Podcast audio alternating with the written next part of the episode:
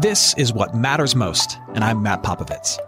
Look, life is crazier than ever, and lots of people, maybe even you, are feeling anxious and overwhelmed. Today's message is designed to help you figure out what's most important and to experience the peace and joy that God intends for you. Because life is a gift, and it shouldn't be wasted on worry. I'd like to give you a resource, something to help you navigate the road ahead. Just go to mattpopovits.com, click on the icon, and we'll send it to you. That's Matt, P-O-P-O-V-I-T-S dot com. And hey, if you happen to live in the Houston area, I'd love to see you on a Sunday morning at St. Mark in Spring Branch. Head to stmarkhouston.org to plan your visit. Here's today's message. Thanks for listening.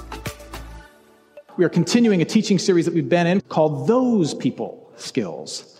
We've been learning how to deal with some of the difficult people in our life from a biblical perspective. Uh, we talked about how to deal with negative people, how to deal with self destructive people. And today we're going to talk about how to deal with those hypocritical people. Good thing there's none of us in that category. how to deal with those hypocritical people. You know what a hypocrite is, right? It's a person who says one thing, but does another. We, we all know what a hypocrite is. And, and probably when I say a hypocritical person, there are some infamous hypocrites that come to mind. Like there are famous sports hypocrites like Lance Armstrong, right? Uh, there are religious hypocrites. Where to begin? Some of us are old enough to remember Jim Bakker, right? There are rich hypocrites like Bernie Madoff. I'll tell you how to invest your money, and then he tried to make off with all of it, right? And then there are political hypocrites, which is just all of them. All of them are hypocrites. And there are few things we enjoy more as a culture than watching people get called out for their hypocrisy. Nothing bothers us more than someone who says one thing but does another. Now, here's the thing Hypocrisy is not just a problem for those people out there, people who have a platform and people who should know better. Hypocrisy is not simply an issue for them, it's also a, a, a me problem. It's a you problem. It is a universal problem. At least that's what the scriptures lead us to believe. That it's not just those hypocritical people, but it's all of us hypocritical people. So, for example, the prophet Jeremiah in the Old Testament describes the human condition like this.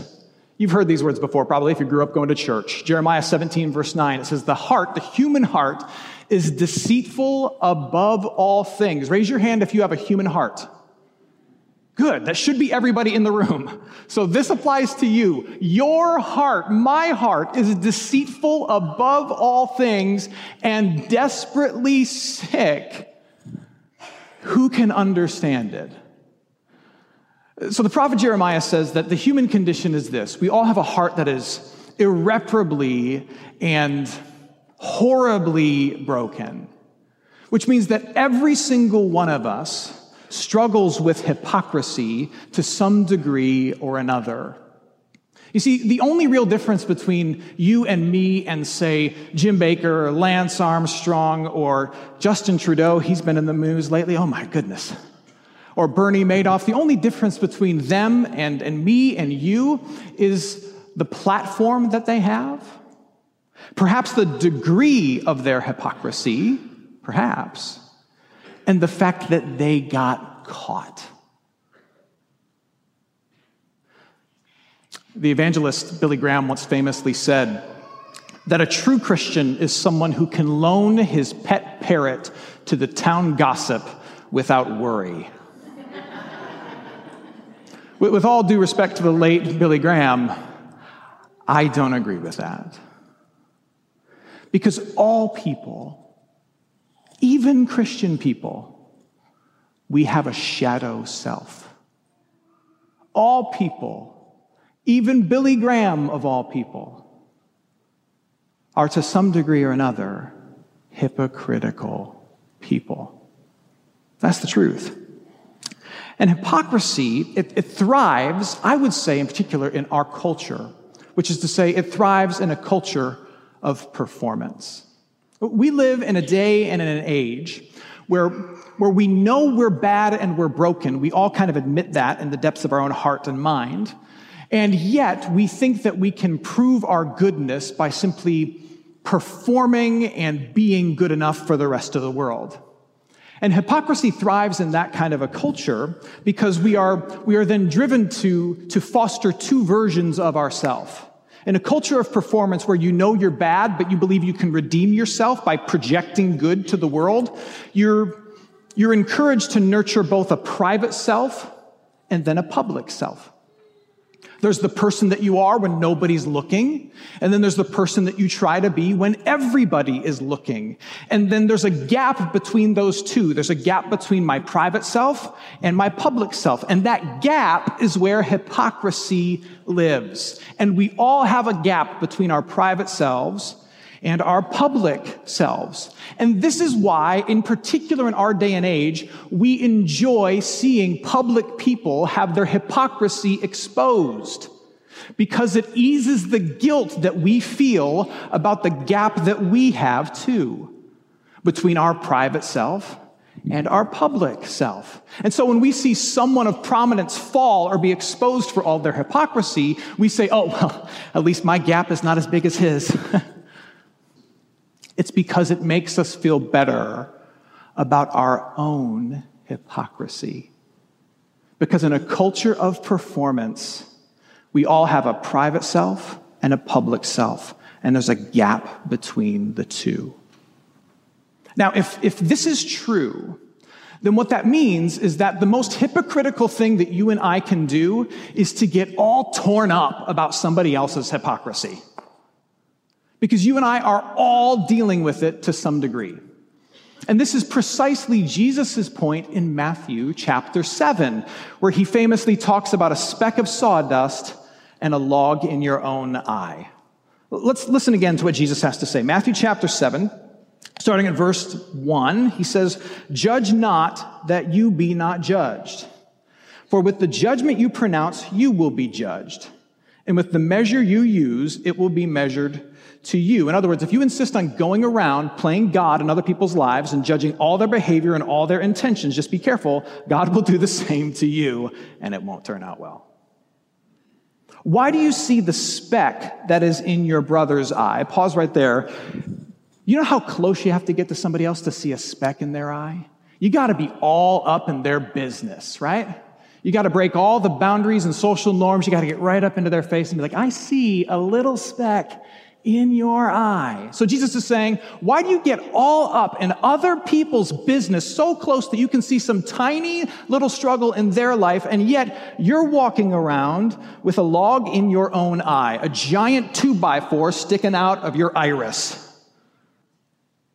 How can you say to your brother, let me take the speck out of your eye when there's a log in your own eye? You hypocrite. First, take the log out of your your own eye, and then you will see clearly to take the speck out of your brother's eye. Now, notice here, Jesus says you should offer to take the speck out of the other brother's eye. You should care about what's happening in their lives, and you should speak up about it. But what do you do first? You address your own business. Jesus' point here is this. Yes, the sin that you see in the other person's life, because we see the hypocrisy in people around us, people we live with, people we work with, people we care about. We see that they are saying one thing but doing another to their own detriment or the harm of others. We see it. And what we see matters, and we should speak up about it. But Jesus says, remember that your own sin is your most pressing problem. That your own sin is a more pressing problem than their sin. And only after you have recognized your own sins and struggles, only after you have confessed and you begin to work on your own sins and struggles, can you then step forward and speak to the sins and the struggles of others.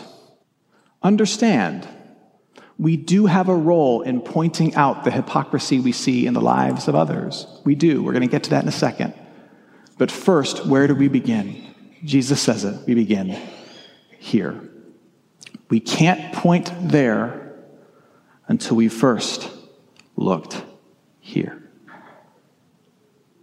Now, assuming you've done that work and you're well aware of your own sins and your own struggles and you're confessing and working on and open about your own problems, and, and you are now able to go and approach the issue in somebody else's life, which we are called to do, how should we do that? And this is where the Apostle Paul gets very instructive in the book of Galatians, chapter 6, verse 1.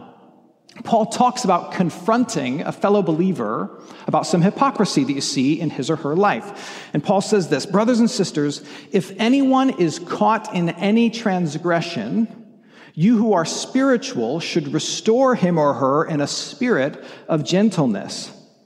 Keep watch on yourself, lest you too be tempted. I want to walk through the words of this one verse here because it's very instructive for us.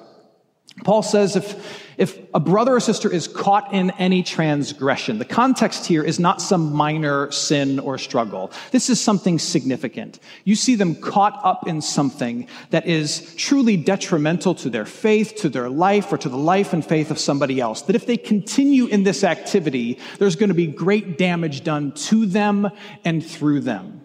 So Paul is saying, look, if you're going to speak up, make sure that you are majoring in the majors and not making a big deal out of something minor.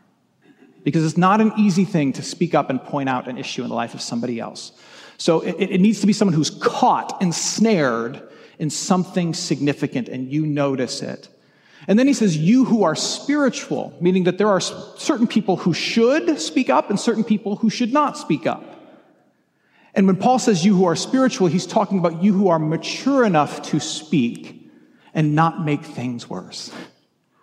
You who have enough spiritual maturity and emotional maturity, but also you have the position and the authority in the group, in the setting, in the relationships to speak up and it makes sense. By virtue of the position you have in this person's life, being their sibling or, or being their they're, they're member of their Bible study or being a member of your family or being someone who's, who's, who's been trusted for insight and advice in the past, you, you have the relational leverage to actually speak into their life. You who are spiritual, who have the position and the maturity to do so, you should do so. Another way to say this is Paul is saying that what you need to do is approach the person who's caught in some kind of hypocrisy, approach them with care and with caution. With care and with caution. Take note again of what he says at the end of the verse. He says, Keep watch on yourself while you do this, lest you too be tempted. That's the caution piece. Caution, people don't like when their hypocrisy is called out, even when you're gentle about it you may get bit hard. Caution when you are calling out someone's hypocrisy, even in a spirit of love and gentleness, it's very easy for your own pride to well up. So you have to watch your ego. Hey, friends, it's Matt. If you're listening to us in Houston and you're looking for an excellent education in a Christian setting for your student, I'm inviting you to take a tour of St. Mark Lutheran School in Spring Branch. We serve infants through eighth grade with an excellent faculty, brand new facilities, and a faith forward curriculum. To schedule your tour, head to gostmark.org. That's G O S T M A R K dot org to schedule your tour today. St. Mark Lutheran School. It's excellent education for your son, your daughter, your little one. Now, back to today's message approach with care, but also with caution. Another way to say this is that you should approach them as a loving friend and not as though you are God. This is what happens when, when people can when people accuse Christians of being overly judgmental, what they're really saying is, you're acting as if you're God in my life. You're acting as if you know my motivations and my intentions. You're acting as though you, you are, are, able to pronounce some judgment over my, my soul and the quality of my life. And you are prescribing what I should do as if you know everything. Don't do that. Approach as a loving friend, not as if you're God. So if you approach someone that you care for, about some hypocrisy that you see in their life, something that they're entangled in, and you lead with, you know what your problem is? You're doing it wrong. If you see someone caught up in something that's destructive to themselves or somebody else, and you lead with, huh, I wonder if it's hot in hell, you're doing it wrong. One of my favorite proverbs is this Proverbs 27, verse 6. It says, Faithful are the wounds of a friend, profuse are the kisses of an enemy. At some point, even though you approach them as a brother or sister with a heart of restoration and with a, an approach of gentleness, you still have to say the words that to them might feel wounding. You still have to say the thing and name the problem. But as you do, just a couple things to keep in mind. Speak from your heart. Use I statements. Use statements that talk about how, how I feel because I see you struggling with this, about how much I care for you and want something better for you. Not only do you speak from the heart, but you affirm the positive that you see in them. Here are the incredible things that I know and love about you, and, and here's what I know you are capable of and that I want to see from you. And, and here's the things that are working and that I admire in your life so much. But then you also have to say, Here's the thing I see that breaks my heart. Here's the thing I'm seeing that is out of step with what you're saying that I can't help but bring up to you and mention to you. And then offer to be part of the solution. You see, a real friend doesn't just say, hey, uh, your tire is flat. A real friend pulls over in the side of the rain to the side of the road and helps you change it. And, and if you can't do those things, if you can't speak from the heart, if you can't affirm the good, if you can't actually articulate the issue, if you can't vow to be a part of the solution, if you can't approach them as a brother or a sister with a spirit of gentleness, if you can't do those things, then it is not your place. You are not the person to point out the thing. You will do more harm than good. That's how we call it out. Now, that being said, I, I, need to speak to the fact that there are those who think that Christians should never, ever speak up when they see issues in the lives of other people. There are those who think that people of faith should never point out the sins and the struggles that they see in the lives of other people. There are those who say, well, when you do that, you're being judgmental. When you do that, you're being a hypocrite because you have sins and struggles. You should never, ever be able to point out the sins and struggles in the heart of other people. You see, the hallmark of Christianity is not hypocrisy. The hallmark of Christianity, though we all struggle with hypocrisy, is honesty. It's about being honest with yourself. Ah, I am deeply and irreparably broken. Honest with others, you are deeply and irreparably broken. And honest with God, we, I am deeply irreparably broken and I need your help. And if you are a skeptical person and you think that us being honest with ourselves and with one another is hypocrisy, then that just shows you don't understand what this faith is all about because it's all about honesty. And besides, when, when you when you call me judgmental and hypocritical for pointing out an issue in the life of somebody else without knowing my heart and my mind and assuming that my motives are impure and that we're holding each other to this impossible standard of perfection, when you make all those assumptions about me and then you lay a judgment upon me that I'm a hypocrite, well, that just shows that you are guilty of the very thing that you're accusing me of. You're making blanket assumptions and laying judgment and proving hypocrisy, all the while not confessing or mentioning your sins and your struggles. Here's what I think. If you really have an issue with judgmentalism and hypocrisy, you wouldn't rail against Christians, you would become one. You'd become one. Because Christianity is the only system, so to speak, in which judgment and hypocrisy are actually fixed. They're dealt with. You know who hated hypocrisy more than anybody else? Jesus. He would get like red faced and angry about it. And he would say to hypocritical people that he encountered, he would say that you are, you are whitewashed tombs. You like to clean the outside of the cup, but you don't touch the inside of the cup. But then he did something about it.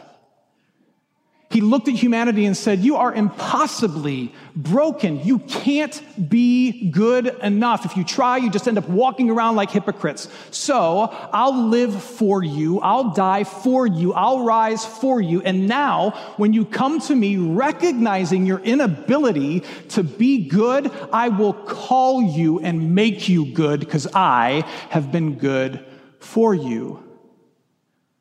He, he frees you from a life of hypocrisy. He fixes it. And now you don't have to worry about the judgment of God, which is the only judgment that matters. Ephesians chapter 2, one of the most beautiful summaries of the gospel that you'll find in the scriptures, says this And you were dead in the trespasses and sins, and were by nature children of wrath like the rest of mankind. But God, being rich in mercy because of the great love with which He loved us, even when we were dead in our trespasses, he made us alive together with Christ. By grace you've been saved. By grace you've been saved through faith. And this faith is not even your own doing. It is the gift of God, not a result of works, so that no one may boast. He replaced performance and works with grace and faith. He took the whole notion of being good enough in your public life and in your private life. He took the whole notion of being good enough off the table. And now our concern is not about being good for the rest of the world and good for God. Our main concern as people of faith is giving to God all of our badness and all of our brokenness an honest assessment of our lives, giving it all to Him and knowing that Jesus is our goodness and He is our performance and He is our perfection. We hold on to Him and His promises, and hypocrisy can't live in the light of that kind of love. In a culture and a world of performance, you are encouraged. You are encouraged to cover yourself with goodness and pray that you never get exposed for all of your badness. But in the grace of Jesus Christ, you do the opposite. You willingly reveal all of your badness and discover that Jesus covers over you with his goodness. And so now you don't have to be a hypocrite because you get to walk around saying, I'm broken. Can't you tell? but he's good and I'm forgiven. If you are a skeptic and you struggle with the hypocrisy and judgment that you perceive in others, my encouragement to you is to come to Christ who has a, a solution for hypocrisy in your own life. If you, if you feel convicted about some of the things you're doing that are in opposition with what you're saying, confess it to Jesus and, and discover that He forgives all of it. If you see someone in your life that you care about who is, who is saying one thing but doing something else to their own potential destruction or demise, with a heart of humility, having dealt with your own things, confront them in love. We can't stand hypocrites when we see it in the headlines. But do you know the only difference between you and Lance Armstrong and Bernie Madoff and Jim Bakker and Justin Trudeau and every politician you love to hate, the only difference between you and them is the size of their platform and the fact that they got caught. The only, you know the only difference between the person in your life who's struggling with some kind of hypocrisy and you? There is no difference. You're the same. May you recognize that. May you confess that. May you deal with that. And then offer to them the same amount of grace that's given to you through Jesus Christ as you, in love, having confessed your own lumberyard, seek to remove their speck. Let's pray. Hey, it's Matt. I hope you enjoyed what matters most. Here's what I need you to know life is a gift, and it shouldn't be wasted on worry. I want to help you figure out what's most important and to experience the peace and joy that God intends for you. So, for more content, you can head to mattpopovits.com. That's Matt, P O P O V I T S.com. There you can also support this ministry as well as access your free resource, a little something to help you navigate the road ahead. I'd also love to see you on a Sunday morning. If you're in the Houston area, head to stmarkhouston.org to plan your visit. In the meantime, hit me up on Instagram at mpopovits or at facebook.com slash Ministries. Thanks for listening. Now go and hold tight to what matters most.